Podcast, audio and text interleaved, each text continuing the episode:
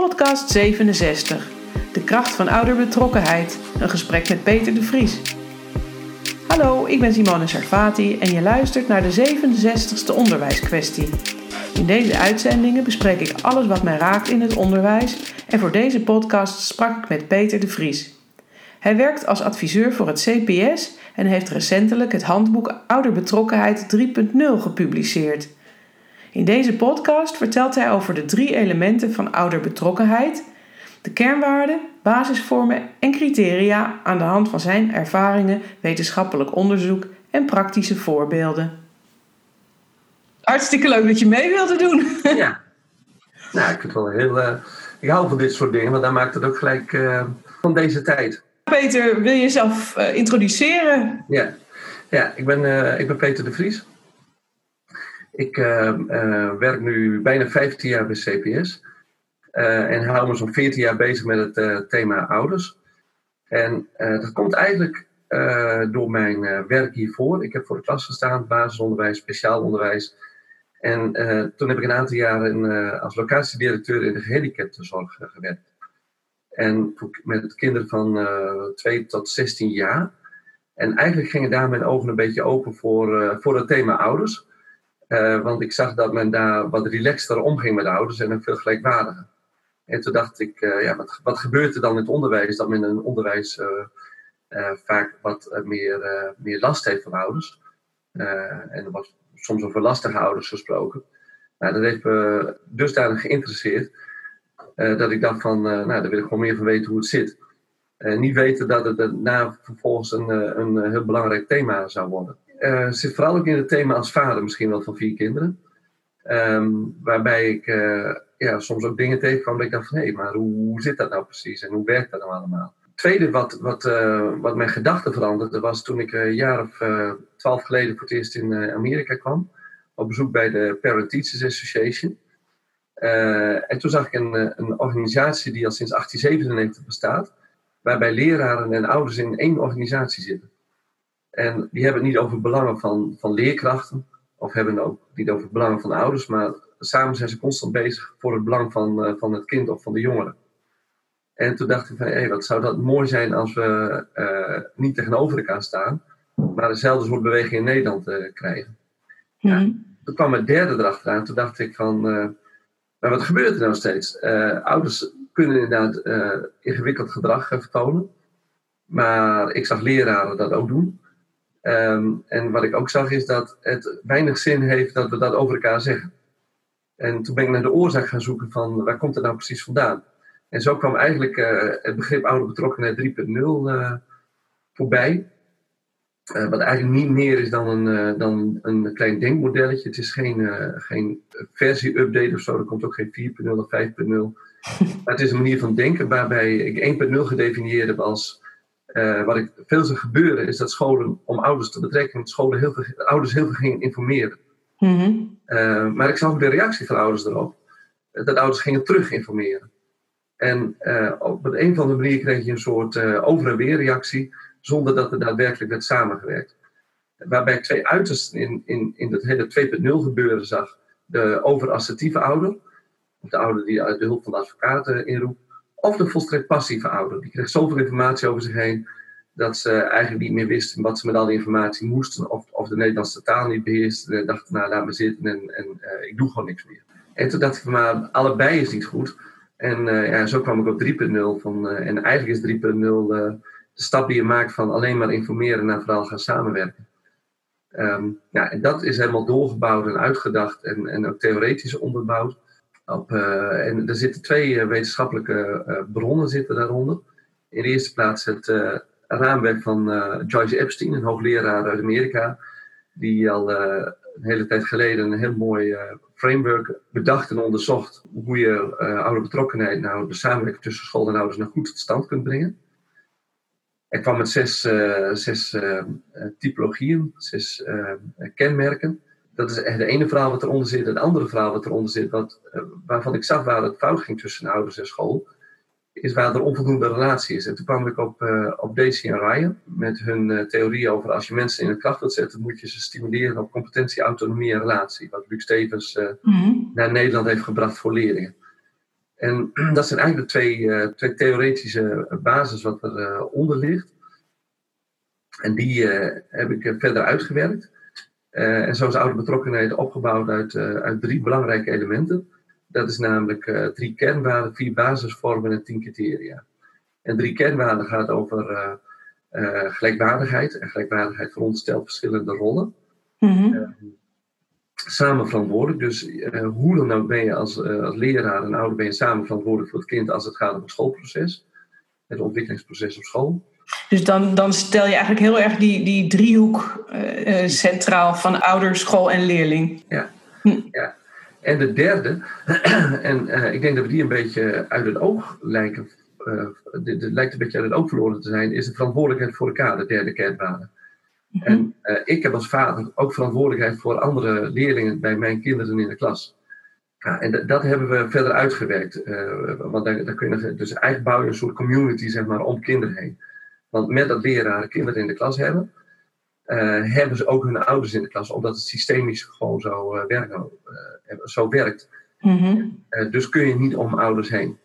Nou, dat, dat zijn de kernwaarden. Daarnaast de vier basisvormen. Er is heel veel onderzoek bekend inmiddels over welk effect oude betrokkenheid nu heeft. Um, en er wordt er in de literatuur onderscheid gemaakt tussen oude participatie en oude betrokkenheid. Waarbij oude participatie het, eigenlijk het vrijwilligerswerk is wat ouders op school doen. Luizenmoeders, leesmoeders en dat soort zaken.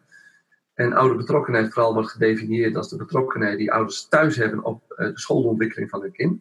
Mm Um, en daardoor gebruiken wij die term ook, omdat die in de literatuur ook zo uh, gebruikt wordt. Maar wat onderzoek uh, zegt, en één onderzoek is geen onderzoek, maar je moet naar een hele hoop onderzoeken kijken. Uh, en uit al die onderzoeken blijkt dat er geen aantoonbaar effect is op oude participatie. Dus als kinderen nou meer gaan doen, of sorry, als ouders meer gaan doen op school, meer luizen en pluizen, meer leesmoeders, dat is nou niet echt, men kan niet aantonen dat het effect heeft op kinderen. Maar oude betrokkenheid daarentegen onvoorstelbaar veel. Dus, dus eventjes, uh, want je, gaat, je, vertelt heel veel, je geeft heel veel informatie. Ja. Uh, dus de, ouder, de, mate van ouderparticipatie, dus al die commissies waar ouders in kunnen zitten om, om te helpen op school, die hebben geen aantoonbaar effect op de ontwikkeling van kinderen. Er kwam net eventjes een term tussendoor. Ik hoop dat jij je lijn vasthoudt, maar dat zal best. Ehm, in pas het onderwijs wordt gesproken van educatief partnerschap. Ja. Hoe verhoudt die term zich dan tussen ouderparticipatie en ouderbetrokkenheid? Ja, ik gebruik zelf de term bewust niet om twee redenen. Volgens mij, als je de, de, de term partner gebruikt, dan staat de school centraal. Uh, ouders zijn niet de partner van de school. Ouders zijn vader en moeder van hun kind. En moeten in die rol worden aangesproken. Ik, ik, ik ben ook niet de partner van de school. Ik ben vader van mijn kind en als vader van mijn kind kom ik op school. De tweede reden is het woord educatief volgens mij is het veel breder dan educatief. Uh, wij zijn gewoon samen ook opvoeders. Uh, en ik denk dat we dat, die lijnen niet zo, niet zo sterk uit elkaar moeten trekken. Want thuis gaat het leren door en opvoeden gaat op school door. Kijk, het liefst hebben we het gewoon over de samenwerking tussen school en ouders. Uh, maar omdat die in de literatuur zo gebruikt wordt, gebruiken wij ook het woord ouderbetrokkenheid. En er zit ook nog wel iets in dat de, de professional de verantwoordelijkheid heeft om de ouder te betrekken bij zijn werk. Mm -hmm. maar in feite wordt natuurlijk hetzelfde bedoeld, alleen ik gebruik bewust de term niet. En ik zie dat ook uh, bij ouders, dat ouders niets met die term hebben. Mm-hmm. Ouders um, voelen zich niet een partner. Ik heb ook letterlijk wel eens ouders horen zeggen van mag dat uit de visie? Oké, okay. het staat wel in die wet vermeld volgens mij hè? Ja, maar ja, weet je, dat gebeurt met, met termen natuurlijk, wordt heel snel overgenomen, wordt heel snel ingevoerd. Mm-hmm. Um, en iemand heeft er ooit een keer bedacht omdat men in Amerika, denk ik, over. Daar spreekt men over partnership. Maar wat ik daar ook begrijp, ik heb het daar ook eens over gesproken, is het woord partnerschap in Amerika ook wel iets anders dan in Nederland. In Nederland is het veel meer een zakelijke relatie. Terwijl in Amerika juist die emotionele relatie wordt bedoeld. Precies. Dus hoe terminologie je ook wel weer op een verkeerd been kan, kan zetten. Ja, precies. En, en weet je, misschien is het belangrijkste nog wel wat ouders daarbij voelen. Ja. Want uh, als je ouders aanspreekt op het educatieve partnerschap, uh, ik zou ook niet in het ziekenhuis willen aangesproken worden als de medische partner van het ziekenhuis. Nee. Punt is, je, je, punt is duidelijk. Die betrokkenheid van ouders, die dan vooral thuis gebeurt, die is van wezenlijke invloed op de ontwikkeling van het kind. Nou wordt hij door sommige scholen vertaald dan, uh, dus moeten kinderen maar veel thuis leren, dus veel huiswerk. En dat zegt onderzoek namelijk ook weer. Als je ouders te veel in een controlepositie duwt, heeft het juist een averechts effect. Mm Dus dat is ook nog wel aardig. Dus je moet heel goed weten hoe je die betrokkenheid dan thuis stimuleert en wat die dan vervolgens inhoudt. Nou, er is, um, dan, dan gaat het vooral over bijvoorbeeld loyaliteit. Uh, het systemisch denken, zeg maar, rondom het kind. Uh, eigenlijk leert elk kind dankzij de toestemming van ouders. Ja. Um, je hebt allemaal vaders en moeders die zeggen bijvoorbeeld van mijn kind hoeft niet te rekenen, want ik ben er ook gekomen zonder rekenen. Wat dat soort ouders meestal alleen maar zeggen is niet van uh, rekenen is niet belangrijk, maar doe mijn kind niet aan wat me vroeger zelf is overkomen, want ik heb namelijk me heel erg vervelend gevoeld met rekenen. Nou, als je nou uh, bijvoorbeeld twee ouders hebt die allebei een hekel aan, uh, aan rekenen hebben, dan moet je als leerkracht al van goede huizen komen om het kind aan het rekenen te krijgen. Uh, want het kind uh, wil loyaal zijn naar zijn of haar ouders. Nou, dat is een hele belangrijke factor. Verder zijn er ook deelonderzoeken bekend over bijvoorbeeld iets wat op school wordt geleerd, moet thuis op een natuurlijke manier worden herhaald. Bijvoorbeeld een woordje wat je op school leert, moet, thuis een betekenis krijgen. en zo zijn er allerlei deelonderzoeken bekend, zeg maar, waar het daarom gaat. Maar het is natuurlijk wel heel interessant hoe je als professional die thuisbetrokkenheid kunt vergroten. Uh, want die participatie gebeurt vooral op school en die betrokkenheid gebeurt vooral thuis. Mm-hmm. Als je dan binnen onderzoek kijkt, is het ook wel weer leuk, want er is dus heel veel effectonderzoek geweest wat, wat uh, de samenwerking uh, met ouders doet en de betrokkenheid van ouders doet.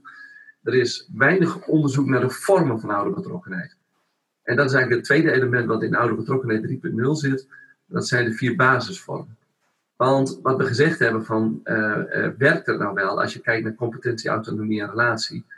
Uh, dat je tien minuten gesprekken houdt en informatieavond. Worden ouders daar nou werkelijk van in hun kracht gezet? Toen hebben we alles overboord gegooid. En toen hebben we gezegd, als we het nou weer opnieuw zouden inrichten in 2017, uh, of een paar jaar ervoor of daarna, hoe, zou die, uh, hoe zouden die vormen eruit moeten komen te zien? En toen uh, ontdekten we iets heel moois. En tegelijkertijd deed Mariette Lussen, een onderzoeker in Rotterdam, dat ook, in een promotieonderzoek. namelijk de eerste basisvorm waar we opkwamen, dat was het zogenaamde startgesprek. Mm-hmm. En een startgesprek is een gesprek, uh, ik hoorde laatst een mooie term van de school, die had het over een opstartgesprek. Dat is een gesprek wat je aan het begin van het jaar met ouders en het kind erbij. Of het nou kleuter is, maakt niet uit. Maar het kind moet die samenwerking en die band tussen ouders en leerkrachten voelen. Want dan speelt een kleuter, bij wijze van spreken, dat hele gesprek uh, in het lokaal, die vangt alles op en die, die merkt en voelt wat er gebeurt. Een startgesprek is wel een heel aardig ding. Uh, want bijvoorbeeld uh, wat Mariette Lussen in Rotterdam in het voortgezet onderwijs zelfs ontdekte, dat de opkomst van de ouders ineens weer terugging naar 97 procent. Zo. En dan praat je over moeilijke, wat wij dan als moeilijke doelgroepen definiëren. Uh, ouders uit andere culturen, die maar nauwelijks op school kwamen. Maar door het stadsgesprek te voeren, waarbij de leerling werd uitgenodigd, en dit was zelfs voortgezet onderwijs, waarbij de leerling wordt uitgenodigd met zijn of haar ouders, kwamen al die ouders gewoon weer terug. Uh, en inmiddels zien we ook de effecten van het startgesprek. Uh, is namelijk dat, of tenminste de geluiden, leerkrachten die zeggen van, ja, weet je, ehm, we zijn van een heel gezeur dat je hebt gepraat in vredestijd, we hebben een relatie gebouwd. en wat je hiermee doet, het is een investering in het begin van het jaar, maar wat je hiermee doet is gewoon een relatie smeden aan het begin van het jaar. vroeger was het niet nodig, maar wat je hiermee doet is eigenlijk teruggaan naar vroeger en je maakt gewoon contact. Precies. Zodra je contact hebt, wordt de betrokkenheid natuurlijk ja, eigenlijk bij de basis al um, gevoed. Ja, maar wat ik vervolgens weer zie gebeuren, is dat scholen net weer helemaal gaan regisseren hoe dat gesprek eruit moet zien. En dat gaan ze bijvoorbeeld doen, ook weer in terminologie. De oude vertelma gesprekken. Ja. Eh, de, de, de, omgekeerde 10 minuten gesprekken. En daarmee regisseer je eigenlijk alweer hoe het gesprek eruit moet zien. Uh, dat roept ook allerlei dingen op. Een vader die laatst het had over de. Oh, ik moet geloof ik naar de, de school had gecommuniceerd. Oude vertel me gesprekken. En die vader zei ook, oh, ik moet geloof ik naar de kom bij juf op schoolgesprek of zo. uh, en waar het in gaat, wat mij betreft in het startgesprek om gaat, is laat dat helemaal los. Heb hooguit wat vragen achter de hand als je denkt van ik kom er niet helemaal uit of het valt stil. Maar laat gebeuren wat er gebeurt. Toen ik in het speciaal onderwijs werkte, heb ik ooit een startgesprek gehad met een vader. En die vader heeft van de 20 minuten lang, heeft hij een kwartier lang alleen maar over zijn vrachtautoreizen in, in Italië verteld. En we hebben heel even nog over het kind gehad. Dat gesprek was meer dan geslaagd. Want eh, er was een relatie en deze meneer voelde zich competent en ik keek ook werkelijk tegen zijn baan op. Ik dacht van, nou, jij, jij doet iets wat ik echt niet kan. Ehm, dus uh, ik ken ook een school bijvoorbeeld in Den Haag, die heeft als enige vraag voor het staatsgesprek, hoe was je vakantie? En dat wil niet zeggen dat je, dat je bepaalde dingen niet kunt of mag doen. Als, als het, het een doelstellinggesprek was, prima. Mm Maar maak er geen structuur van en protocol van dat het elk gesprek er zo zou moeten uitzien. Dat zeg ik ook hierom. Uh, wat, ik de laatste, wat ik de laatste tijd steeds meer merk, is wat de invloed, en dan heb je weer over loyaliteit, wat de invloed van de, het eigen schoolverleden van ouders is uh, op de schoolontwikkeling van het kind. Ik was een tijd terug op een, uh, op een dorpsschooltje. En ik vroeg aan een groep ouders van, vertel nou eens wat de meest leuke of minst leuke ervaring is van, van je eigen schooltijd. En er was een moeder en die keek uit het raam en die zei, en wees naar buiten en zei, daar staat de school en hij werkte nog. En ik zei, wat betekent dat? Nou zegt ze, dat ik altijd leerkrachten nog steeds in de gaten hou, want ik weet wat een leerkracht uit moet spoken. Daarop een andere moeder meteen enthousiast reageerde van, joh, maar weet je, ik heb alleen maar een leuke schooltijd gehad, want we deden ontzettend veel crea. Uh, en op de vraag, en wat betekent dat voor nu, zei ze, uh, nou zegt ze, ik zit eigenlijk elke leerkracht nog steeds achter zijn broek om meer crea te moeten doen. Mm-hmm. En dit soort verhalen, dat, dat is ook heel mooi voor het staatsgesprek. Van, van, van, uh, als je denkt van, hé, hey, dat is belangrijk, of dat is aanleiding toe, zorg dat je dit soort verhalen boven krijgt. Ja. Of vertel iets van jezelf. was ook een ouder die zei: Het leukste van een staatsgesprek vond ik eigenlijk alleen maar een, dat de leerkracht even iets over zichzelf vertelde en daardoor mens werd. Ja, ja, prachtig. Het klinkt zo eenvoudig, Peter. Is het ook. En daarom zeg ik ook: het is terug naar de bedoeling, het is terug naar vroeger. En vroeger ontstond dat gesprek automatisch omdat iedereen in het dorp of in de wijk woonde en we kenden elkaar. Ja. Nou, dan komt de tweede basisvorm en die uh, is nog eenvoudiger, maar tegelijk ook nog moeilijker. We hebben in het onderwijs uh, veel over werkdruk van leraren. Uh, die 10 minuten gesprekken die zijn op veel kanten is, worden die bekritiseerd. Als je naar de website van de Algemene Onderwijsbond kijkt, dan, dan, dan, lees ik hoeveel stress leerkrachten hebben van 10 minuten gesprekken, maar ook ouders klagen erover. want als het gesprek dan net goed op gang komt, is het gesprek er afgelopen. Gaat de school bellen, de kookwekker. Mm -hmm. En dat hele eh, systeem van 10 minuten gesprekken is, is gewoon failliet. Um, en is vooral gebaseerd op, op het feit dat ouders geïnformeerd moesten worden. Dus heel erg 1.0. Ja. Alleen informeren tegenwoordig op een hele andere manier. Dat kan met allerlei moderne technologische middelen. Uh, dus het alternatief daarvoor kan zijn, is dat je die hele 10 minuten gesprekken overboord gooit. En dat je, uh, wat ook overigens past weer bij passend onderwijs, dat je ook passende oude betrokkenheid creëert door met de ouders samen in het staatsgesprek af te stemmen van hoe hebben we dit jaar nou contact. En dat doe je niet op basis van uh, de tevredenheid van ouders of wat ouders willen of wensen, maar op basis van wat heeft dit kind nou nodig. En daar kun je prima met ouders over praten van hoe zullen we dit jaar contact hebben. En welke vorm je daarvoor ook gebruikt, maakt niet uit. Het ene kind is misschien wel vooral gebaat bij een aantal telefoongesprekken en het andere kind is meer gebaat bij een fysiek contact of een gesprek zonder het kind erbij een keer.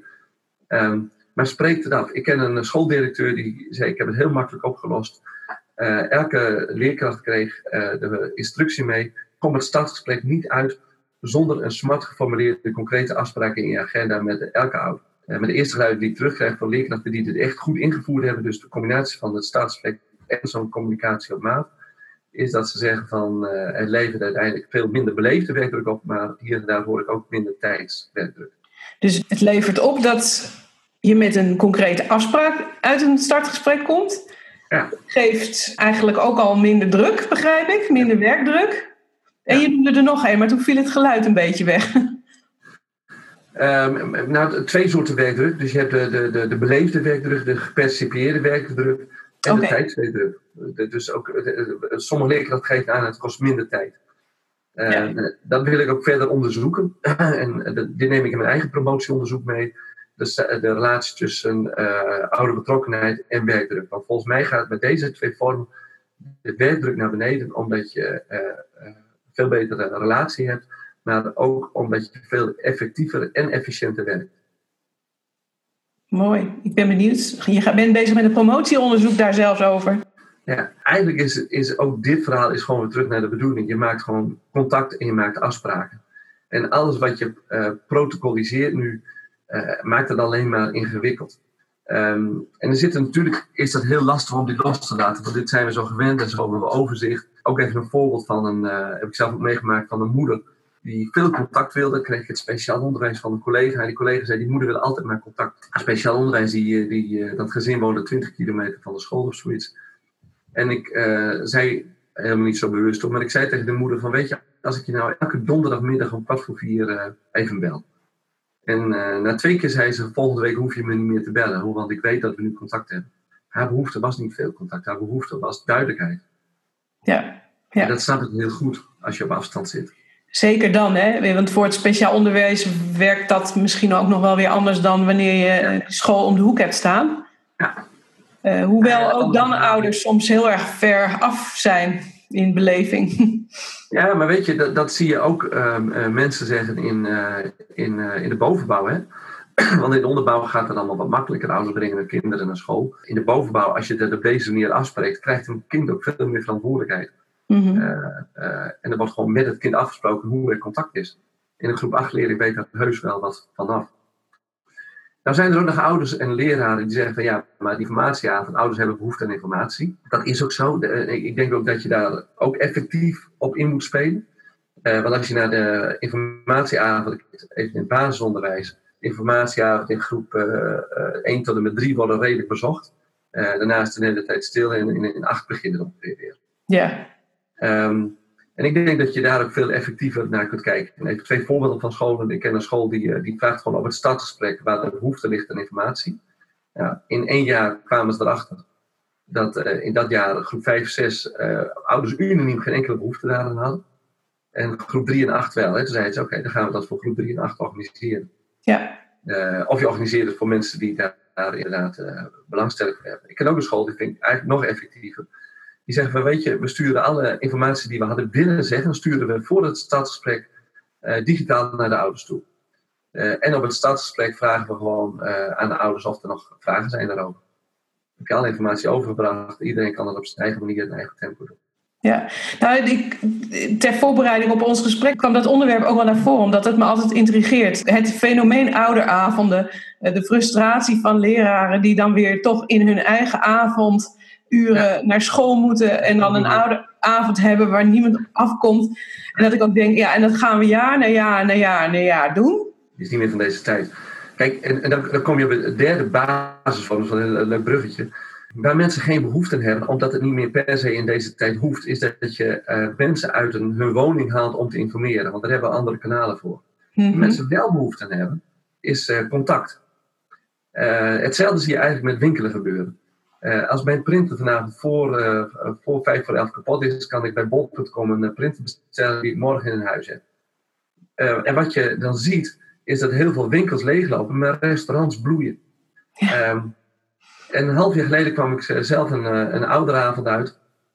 En toen dacht ik van, nou, zo interactief was hij ook niet. de enige interactieve was dat we aan het eind even vragen mochten stellen. Toen liep ik met de vader uh, avond uh, de zaal uit. En die vader zei tegen mij, die mopperde wat. Hij zei, waarom, waarom halen ze me hier voor het huis? Want dit hadden ze ook op de mail kunnen zetten. Even later hadden we een high tea. Uh, met mijn dochter zat in de brugklas vorig jaar. Hadden we een high tea met alle ouders. En die mentoren hadden dat echt heel slim georganiseerd. Die hadden namelijk met de leerlingen hadden ze hapjes bereid. En uh, ze lieten ons gewoon als ouders eten en drinken met elkaar. En stonden zelf aan de kant. En volgens mij zagen ze veel meer dan, dan dat, dat het leek, zeg maar. Maar wat er gebeurde is dat wij als ouders met elkaar in contact kwamen. En verhalen over elkaars kinderen hoorden. Dat kweekte direct begrip. En daar noemen wij als derde basis van. Uh, we hebben het gekscheren nieuwjaarsreceptie in september genoemd. Uh, maar wat je eigenlijk doet, zorg dat ouders wel elkaar ontmoeten met kinderen erbij. En of je dat nou in een nieuwjaars doet of een IT, dat maakt er wel niet zo uit. Maar doe dat in ieder geval in het begin van het jaar niet op schoolniveau, maar vooral, of het kan ook op schoolniveau, maar doe het vooral ook op groepsniveau. Ouders moeten elkaar kennen. Daarmee los je een aantal problemen op, namelijk uh, dat ouders zich niet meer verantwoordelijk voelen in deze tijd voor elkaar kinderen. Uh, wat me elke keer weer raakt, is dat we in Nederland op elke school kinderen hebben die nooit op een verjaardag worden gekozen. Ja. En de oplossing die we daarvoor hebben, is dat verjaardagskaartjes vaak niet meer in de klas mogen worden uitgedeeld. Het enige probleem wat we oplossen is dat de leerkracht het niet meer weet. En dit soort uh, dingen kun je deels voorkomen. En ik zeg niet dat iedereen elke verjaardag moet. Maar voor een groot deel kun je dit voorkomen doordat ouders elkaar kennen en elkaars verhalen kennen. Want als je elkaars verhaal weet, zeg maar, en uh, uh, je weet wat er in een gezin speelt, dan toon je ook veel meer begrip. Ieder vader of moeder te zijn in het gedrag in de klas. Hoe die met andere kinderen omgaat, hoe die met leraren omgaat. Uh, als je iets van dat verhaal weet en van elkaar gehoord hebt, dan coach je anders. Uh, en daarom is die ontmoeting zo belangrijk. En dat is dus niet hetzelfde als informeren. Nee, want informeren is uh, eenrichtingsverkeer en ontmoeten, dat veronderstelt communicatie en dialoog. Ja. En als je naar deze drie vormen kijkt, dan zie ik uh, dat scholen soms heel knapachtig vasthouden aan het oude. Die zeggen, nou, dan gaan we op de informatieavond ook wel ontmoeten. Of we pakken wel een startgesprek, maar dan gaan we, uh, dan maken we een soort facultatief 10 minuten gesprek ervan. Dan hebben we op maat gemaakt. En het zijn allemaal, um, zeg maar, half ingevoerde dingen, waardoor A, de werkdruk nog hoger wordt. Ja. Uh, en B, je bereikt niet de doelen. Dus als je het invoert, moet je het ook echt goed implementeren. Uh, en ook uh, heel dicht bij uh, theorie en onderzoek blijven wat, waar, waarom het nou bedacht is en waarom het ingevoerd is. en dan krijg je nog de vierde basisvorm. En dat geeft ook allerlei verlichting op allerlei manieren. Zoals leerkrachten en kinderen aan elkaar worden gekoppeld. dus leerkrachten onderling en kinderen onderling. Zo kun je ook ouders aan elkaar koppelen door samen te laten optrekken als buddies. En wat je met buddies doet, is dat je dat inzet op bijvoorbeeld een aantal manieren ouders die bijvoorbeeld de Nederlandse taal niet beheersen. Mm die kun je koppelen aan een ouder die tweetalig is. Of een ouder uit een bepaalde cultuur. Ik ken een school die zegt van weet je, wij halen uit iedere cultuur één contactpersoon. En die zorgt voor de andere. Daar kunnen mensen uit die cultuur een beroep op doen. Zodat ze ja, een soort lijntje kunnen leggen, verbinding kunnen leggen tussen twee culturen. Uh, je kunt het ook gebruiken bijvoorbeeld voor ouders van oudste kinderen. Uh, of ouders in het speciaal onderwijs die voor het eerste kind het speciaal onderwijs brengen. Maar dat kan soms verdraaid lastig zijn. En als die even een, een buddy naast zich hebben van een andere ouder die gewoon puur praktisch informeert, eh, geeft dat heel veel verlichting bij de ouders, maar ook bij de leerkracht. En dit komt kinderen ten goede. En het derde waarvoor je het kunt inzetten, en die is eigenlijk misschien nog wel het mooist, is ouders die uh, problemen uh, ervaren. Bijvoorbeeld ouders um, van kinderen met dyslexie, gedragsproblemen, weet ik veel. Die komen voor allerlei vragen te staan die leerkrachten ook vaak niet weten, omdat ze met de privé-situatie of op de school en, en, thuis te maken hebben. Dan hoe, uh, hoe, hoe, hoe, hoe, moet mijn kind spelen bij een ander? Of mijn kind komt nooit op een verjaardag enzovoort. Hoe doe je dat nou precies? Mm-hmm. Als je die ouders koppelt aan een ervaringsdeskundige, zie je dat, uh, dat ouders zich veel competenter gaan voelen in het omgaan met dat gedrag. Of bijvoorbeeld een ouderpaar ligt in echtscheiding. Hoe ga je dan om met, met spelen, met verjaardagen, met contact met school? En dat is heel uh, simpel te organiseren. Uh, je hebt ouders bijvoorbeeld die, waarvan je weet van hé, hey, maar uh, jij bent dan heel ver, uh, of jij kunt heel goed met dat probleem omgaan. zou je iets willen betekenen voor een andere ouder en mag ik eventueel je naam bekendmaken? En ergens anders op school is een ouder die met hetzelfde probleem kampt en daar moeilijk doorheen komt. En het enige wat je doet, van zullen we jullie even aan elkaar koppelen. Dat is alles. Heb je daar ervaring mee? Ja, ja, we, we zien steeds meer scholen dit doen. Scholen zijn daar ook echt verrast over. Uh, in de gemeente Hamburg loopt een onderzoek onder uh, een kleine 30 scholen waar ze dit heel uh, nadrukkelijk hebben ingezet. Van basisonderwijs tot en met voortgezet onderwijs. Mm -hmm. En die daar steeds meer groei ontstaan in, in die community van ouders om de school heen. En ik ken ook een school in Nederland, de, de, zo hebben wij het ooit ontdekt. Dat was heel mooi, deze directeur die heeft op een gegeven moment zo'n zo'n zo'n zo'n 25 buddyparen, zo'n 50 ouders. En die zei, ik ga jullie als beloning op schoolreisjes. Die heeft een eh, bus gehuurd en die 50 ouders mochten naar de keukenhof. En zijn een dagje naar de keukenhof geweest. Maar die directeur zei wat, wat vervolgens dat voor effect weer had op die hele schoolgemeenschap was nog veel mooier. Ja, is wel bijzonder. Ja, ik, ik heb hier nog niet, niet in deze mate van gehoord. Ik bedoel wel is dat je dat geprobeerd werd ouders aan elkaar uh, te koppelen met het idee van deel je ervaringen. Ja. Maar op deze schaal uh, heb ik eigenlijk nog niet eerder van gehoord. Het zal een heel krachtig um, middel kunnen zijn, denk ik. Je moet echt een, een, een persoonlijke klikfactor tussen twee mensen hebben. Uh, wil dit werken? Ja, um, er is nog iets wat bij me naar boven komt. Niet iedereen heeft evenveel gevoel voor gesprekstechnieken, uh, heeft evenveel kennis van gesprekstechnieken. Is, en zeker met ouders. Ik heb wel, ben wel op scholen geweest en dat, dat leraren eigenlijk bang waren om met ouders in gesprek te gaan. Omdat bijvoorbeeld het zo'n kritische ouder was of omdat het kind gewoon toch niet helemaal voldeed aan de verwachting van de ouders. En wat kun je daarmee? Um, uh, het, het, gaat nog steeds verder. Wij hebben met de Mannix Academie in Utrecht hebben we ooit een keer een onderzoek onder PABO's. Daar gaven sommige uh, uh, PABO-studenten aan dat ze zelfs bang werden gemaakt op stagescholen voor ouders. Mm -hmm. um, Dus dat zit wel diep. Uh, uh, ik geloof niet zozeer in gesprekstechnieken als eerste uh, interventie om leraren hier bekwamer in te maken. Want die gesprekstechnieken zorgen voor, voor vaardigheden die nog geen bodem hebben. als er iets met een, een, kind is en je vertelt dat aan een ouder, schiet een ouder soms in de weerstand. Als je niks weet van het acceptatieproces van ouders wat eronder zit, kun je nog zoveel gesprekstechnieken aanleren, maar je bereikt die ouder nooit. Als je niet de relatie met een ouder aan met gaan startgesprek en ook het verhaal van ouders zelf weet en misschien een eigen acceptatieproces nog aan het verwerken zijn. En dat hoeft helemaal niet zwaar of groot te zijn. Uh, maar je moet dat soort dingen wel weten. Dan hebben die gesprekstechnieken helemaal niet zoveel zin. Uh, bijvoorbeeld in de gesprekstechniek wordt geleerd, je moet een slecht nieuwsboodschap aan het begin van een gesprek brengen.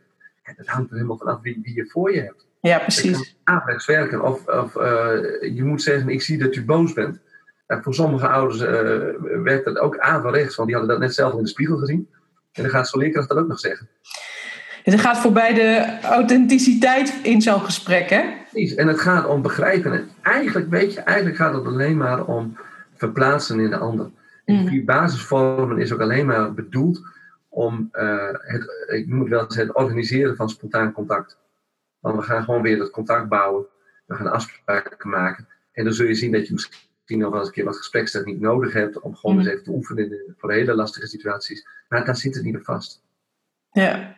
Als je weet dat, ik hoor bijvoorbeeld heel veel leerkrachten zeggen van uh, ouders moeten realistisch naar een kind kijken. Uh, want wij zien dingen die ouders nog niet zien. weet je, uh, realistisch kijken naar een kind is wel een ingewikkeld ding. Want voor een ouder is dat een heel ander soort realisme. En als er iets met mijn kind is, ontken ik. En die ontkenning heel, is heel waardevol, want in die ontkenning een ontkennende ouder is niks anders dan een onderzoekende ouder. Die gaat gewoon onderzoek uit. En stel voor dat iets met mijn kind is. En ik zeg direct tegen de school nou, oké, met mijn kind is er van alles aan de hand. Kijk maar wat je ermee doet. Dan neem ik mijn kind niet meer serieus. Ja. Uh, dus ik ga die omgeving onderzoeken. En daarvoor is het even nodig dat ik denk van, uh, nou, dat kind deugt. Uh, er zal niks mee aan de hand zijn. Een helemaal voorbeeld van een, van een ontkenning en hoe dat werkt, is het hele platte voorbeeld van mensen die al of niet noodzakelijk met hun gewicht bezig zijn. Um, wat er namelijk gebeurt is als sommige mensen staan s'morgens op de weegschaal en die denken van ah, mijn gewicht klopt niet helemaal. Dan gaan ze vervolgens onderzoeken. Ze ontkennen van dat gewicht klopt niet, dus ze gaan onderzoeken en uh, tikken nog een keer op je weegschaal. Of ze zetten hem even op een ander stukje ondervloer. En uiteindelijk komen ze erachter van ah, het is toch echt waar, ik weet dit echt vandaag.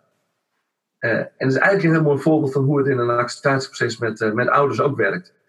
dus mensen geloven dat niet direct en gaan er onderzoek uit. probeer het even zus, probeer het even zo. Controleren de kwaliteit van de, van de weegschaal of van de leerkracht. En dat is eigenlijk om, om erachter te komen of, of die omgeving daar klopt. Ja. En die reactie krijg je dus op het moment dat een ouder een bericht hoort over zijn kind, waarvan hij denkt: van, waar komt dit vandaan? Dit heb ik zelf nog niet eerder gezien. Ik moet op onderzoek uit. Ja, en als je tegen iemand die, eh, die aan het wegen is, gelijk zegt: van, joh, hou op, uh, kijk eens naar realistisch naar je gewicht, dan ben je diegene kwijt. Ja. Dus, dus, dus daar hoef je ook geen psycholoog of maatschappelijke werker voor zijn, maar speel met dat proces van, of spelen is klinkt negatief, maar, maar heb dat proces van, van uh, acceptatie in de vingers en heb daar ook alle begrip voor. En weet dat je zelf als leerkracht soms ook in dat proces zit. Want ja. sommige leerkrachten vinden het ook lastig dat, uh, dat iets niet lukt. Mm -hmm. En, en dan ook ontkennen. En dan zijn ouders al veel verder en die denken van, nou, ik heb al eerder een kind gehad met dit profiel. ik weet heus wel wat er met mijn kind is. En de leerkracht wil er niet aan. Ja, het doet natuurlijk ook iets met leraren zelf. Ja, tuurlijk. Ja. ja. ja. Nou, ik had laatst een leerkracht in een groep en daar was ik echt van onder de indruk. En dat was op een uh, trainingsdag. En uh, helemaal aan het begin van de trainingsdag kwam dit al aan de orde. En toen zei een leerkracht, uh, weet je, zegt ze, ik heb een, zei ze in de groep, en ze werd ook emotioneel erbij gezet, ik heb een hele grote fout gemaakt naar een ouder. En deze ouders er van school af en ik ga na vandaag contact met ze opnemen. Want ik heb ze geduwd en gepusht in een proces waar ze nog niet naartoe waren. En dat heeft die leerkracht ook daadwerkelijk gedaan. Die heeft die ouders na die tijd opgezocht. En nadat het kind van school was, ook excuses aangeboden. Zo. Dat is ja, moedig. Ja, mooi hè? Vond ja. Zo. Ja. En dan, uh, Simone, hebben we nog één, uh, één lijn, want ik hou nog steeds een lijn in de gaten. Ja, heel goed. ja. nee, we hebben dus, er zitten drie, uh, dus ik heb eerst gesproken over welke theoretische concepten zitten eronder. En er zitten drie elementen in oude betrokkenheid 3.0. En dat zijn de drie kernwaarden, hebben het over gehad. Gelijkwaardigheid, verantwoordelijk voor elkaar en samen verantwoordelijk. de vier basisvormen. Startgesprek, communicatie op maat. een nieuwjaarsbijeenkomst in september en buddyschap. En dan krijg je als vierde krijg je nog de tien criteria. En de tien criteria zijn eigenlijk een tegenhanger van de oudertevredenheid. Uh, wat, wat, we in Nederland doen is constant met ouders meten of ze tevreden zijn over de school. En daarmee maken wij volgens mij een cruciale denkfout, namelijk dat tevredenheid hetzelfde is als kwaliteit. Dus wij meten de kwaliteit met tevredenheid en vragen ouders daar een oordeel over. Mm nou zitten er vaak wel goede vragen in zo'n zo tevredenheidsonderzoek, maar het gaat me meer om wat we uitstralen met een tevredenheidsonderzoek. Want we vragen constant of ouders tevreden willen zijn en maken ze daarmee een consument. En uh, daar zit wel een, uh, een ding. Want uh, een consument veronderstelt ook de maakbaarheid van de diensten die jij mij geeft. Dus we hebben net een, een bijna rechtszaak achter de rug in Nederland over de ouder die het niet eens was met de plaatsing van een kind in een combinatiegroep. Mm -hmm. De moeder heeft net de rechtszaak teruggetrokken omdat ze te veel media-aandacht kreeg. Maar is denk ik wel ook een gevolg van dit fenomeen. ik ben het niet eens met, dus ik ga protesteren, want ik wil dat. Uh, en daar hebben scholen echt veel last van. En ook dat veroorzaakt heel veel werkdruk, het consumentisme van de ouders. En volgens mij moet je niet kijken naar, naar de tevredenheid van de ouders, maar ook weer naar, uh, naar objectieve criteria, hoe die kwaliteit van samenwerken met de ouders eruit ziet. Nou, daarvoor hebben we het framework van Joyce Epstein gebruikt. De Parent Teachers Association in Amerika heeft daar een, uh, een iets andere kleur aan gegeven. En in overleg met de, met de Parent Teachers Association hebben we die zes standaarden die zij zeg maar van Joyce Epstein hebben, hebben wij vertaald naar tien Nederlandse criteria. Die tien Nederlandse criteria zijn eigenlijk een soort lat waar langs je als school jezelf kunt spiegelen om te kijken of je nou goed samenwerkt met de ouders. En ik, ik, stel voor om heel kort even die tien criteria te noemen. Ze zijn heel kort hoor. Ja. Vooral, ja, als je naar de tien criteria kijkt, zijn ook op de website van CPS terug te vinden uh, criterium 1 is zorg dat je een goede visie hebt op samenwerken. En formuleer die visie samen met je ouders. Dus bedenk niet van alles zelf, zo willen wij met de ouders samenwerken, op gedragsprotocollen voor ouders. Dan ga je in overleg met de ouders, zo, zo doen we het hier. Tweede uh, is, laat ouders meedenken in beleid. Uh, zorg dat ouders altijd meekijken met de school, want het geeft andere visies. Of het nou gaat om een uh, ontwerpen van een nieuw rapport, zelfs het kiezen van een nieuwe methode heb ik wel eens op school gezien laat ouders meekijken. En de kennisschool, die vind ik een heel mooi voorbeeld, die zegt van weet je, elke interne onderwijskundige werkgroep laten we tegenwoordig altijd één ouder bij aansluiten. Want dan hebben we altijd het, beeld en het gezicht van de ouder erbij, die op een andere manier kijkt naar school en onderwijs dan wij. Mag ik even daarover vragen? Want dan, dan, dan hoor ik al reacties van, van mensen uit scholen. Zo van, ja, maar die ouder moet niet denken dat hij op een professionele manier kan meebepalen over de inhoud van ons onderwijs. Nee, het gaat er niet over bepalen, het gaat over meedenken. Mm um, helemaal volgens van de, van de methode. Ik was op een school waar ze een nieuwe rekenmethode wilden aanschaffen. En uh, zowel, de direct, uh, zowel de leerkrachten als de ouders zeiden van dit kunnen onze ouders niet. Dit kunnen wij niet als ouders. Ja. Uh, die directeur zette en er was een moeder en die bladerde in dat rekenboek en ze zei na die tijd van, uh, weet je, ik heb geen verstand van rekensom, dat is jullie vak. Uh, maar als ik door de ogen van mijn kind kijk naar het rekenboek, want mijn kind stapelgek van al die plaatjes die erin staan. Ja. dat is een hele mooie, waardevolle informatie. Dus je benut en respecteert de kennis die de ouder heeft over zijn eigen kind? ja, of, of, of vanuit zijn eigen vak. Kijk, er zijn ook ouders die zitten in allerlei branches uh, waar heel veel kennis aanwezig is, die je school best kan gebruiken. Mm ik noem maar iets. Eh, je, je bent bezig met een nieuw communicatieprogramma of ICT-programma op school. Ja, als je een ICT-ouder ertussen hebt, daar dan gewoon even meekijken. Ja, gebruik de competenties van ouders. Zoveel sociaal en maatschappelijk en, en kenniskapitaal zit er onder ouders. Ehm, die gewoon even mee kunnen nemen. En dat is heel eenvoudig te organiseren. En je voorkomt ermee ook dat er buiten wordt gepraat van, heb je die methode gezien? Nou, belachelijk hè, ze, uh, ik had er best ideeën over. Ja, ja precies. Um... Drie is, uh, voelde iedereen zich welkom? Nou, iedere school zal zeggen ja. Um, nou, daar is best iets op in te zoomen. Ik ken ouders die zeggen van, weet je, ik kom niet op een, op een themaavond, want uh, de juf heeft altijd een beurt in de kring. Uh, en straks moet ik iets harder binnen kring zeggen, dat durf ik niet. Uh, wat voor post straal je, zend je uit en wat straal je daarmee uit? Ik was ook op een school, daar zeiden ouders van jullie, zijn, uh, jullie vinden dat wij welkom zijn. Maar het komt eigenlijk niet verder dan dat jullie heel goed zijn in groet. En daarna stopte het. Wel leuke feedback, maar ook wel pijnlijk. Ik heb zelf net een onderzoek afgerond waaruit blijkt, en dat is wel mooi, vanuit meer dan 2.500 respondenten, zowel ouders als leraren, waarbij ouders aangeven dat zij het ook van wezenlijk belang vinden dat het schoolgebouw niet alleen kind- en leerkrachtvriendelijk is, maar ook oudervriendelijk is.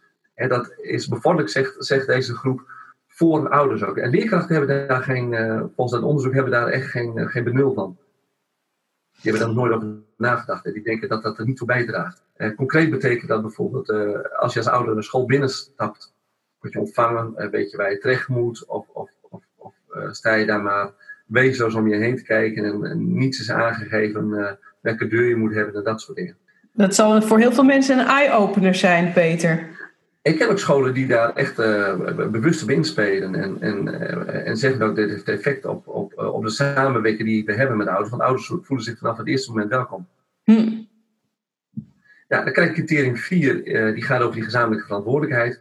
En ik denk dat de grote uitdaging van criterium 4 is om het gesprek thuis te veranderen van hoe was het op school, leuk, wat heb je gedaan, niks in. Uh, hoe was op school uh, leuk? En ik heb gezien dat jullie daar, daarmee bezig waren, zonder dat je ook weer kinderen hun verhaal afneemt. Maar dat je eigenlijk een, een, iets vindt waardoor ouders thuis over de school kunnen doorpraten. En er zijn er allerlei apps ook voor. bijvoorbeeld gewoon fotootjes van leerstof. Ik zag op de school een hele mooie opdracht van. we hebben de oppervlakte berekend. Bereken thuis dus de oppervlakte van je slaapkamer. Dat soort dingen. Dus dat het leren thuis op een natuurlijke manier doorgaat. Dat gaat over criterium 4. Dan krijg je criterium 5, dat is gelijkwaardigheid. Ja, die spreken natuurlijk voor zich, maar er zitten ook wel leuke, leuke tips achter. Zet ouders niet op kleuterstoeltjes. Ook niet als je allebei op een kleuterstoeltje zit, want een ouder is zo'n stoeltje niet gewend en jij is kleuter, leerkracht misschien wel. Uh, onderteken briefjes niet met juf, want uh, je bent niet de juf van de ouders. Uh, maar, maar ga in alles gelijkwaardig met elkaar om. En, uh, en hebben het ook niet over medeleerkrachten als uh, tegen de ouders van dat is juf die en die. Uh, ga, ga volwassen met elkaar om en ook daarmee gelijkwaardig. Mm-hmm. Dan krijg je zes, dat is die verantwoordelijkheid voor elkaar, hebben we het uitvoerig over gehad. Bouw een community om kinderen heen van de ouders die elkaar kennen in de groep. criterium 7 gaat over het leerlingdossier. Neem ouders van het begin af aan mee in een leerlingdossier. Elke ouder heeft recht op volledige inzage en elke ouder heeft recht op toevoeging in het dossier. En dat voorkomt dat je uh, met vermoedens uh, werkt in dossiers, schaduwdossiers. Dus leerkrachten weten dingen die ouders niet weten. Uh, ouders voelen dat al lang aan dat er iets is. Maar werkt daar op een manier mee, zoals ook in de wet voorgeschreven is.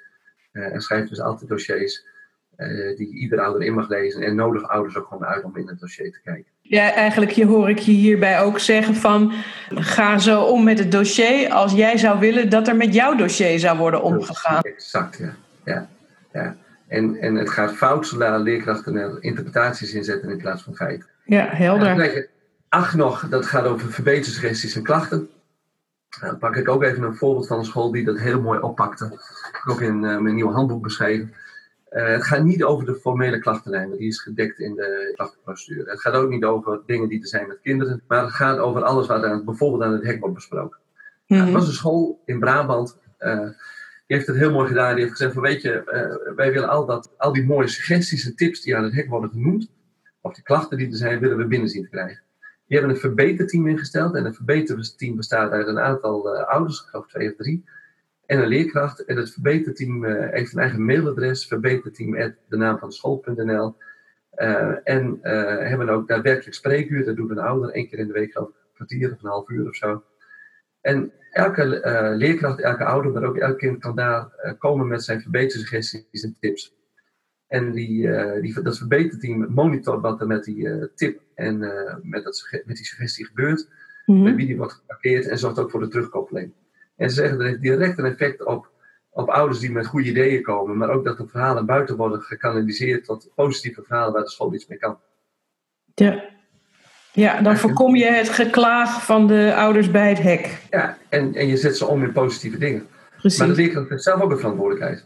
Je voorkomt ook het geklaag in de personeelskamer. Je kunt het ook als leerkracht bijvoorbeeld een suggestie indienen over het parkeerbeleid van ouders. Criterium 9 gaat over het stadsgesprek en uh, communicatie op maat. Daar hebben we uitvoerig over gehad. En dan kreeg tenslotte criterium 10 gaat over wet en regelgeving. Heeft hier ook alles mee te maken, want uh, de school is ook, zoals Gert Biester zo mooi zegt, de voorbereiding op uh, de maatschappij. Dat betekent dat wij als volwassenen kinderen het goede voorbeeld moeten geven. Is die scholen die zich niet houden aan de regels over de ouderbijdrage, Ik zie ouders die zich niet houden aan de regels over de leerplicht. Gaan eerder op skivakantie en zeggen dan ook nog doodleuk, doe mij die boete maar, want als ze kopen dan een dag later weggaan. Waar het om gaat is, ga in gesprek met elkaar over geven we met z'n allen het goede voorbeeldgedrag. Was een vader die zegt van, ik voel me erg aangesproken, want tijdens het naar school brengen zit ik te appen achter het stuur. Uh, en ik zou daar eigenlijk met andere ouders over in gesprek willen dat wij met z'n allen het verkeerde voorbeeld geven en dat we dit moeten veranderen. Daar gaat criterium 10 over, geven wij het goede voorbeeld. Prachtig, mooi voorbeeld uh, Peter. Ja, mooi hè? Ja.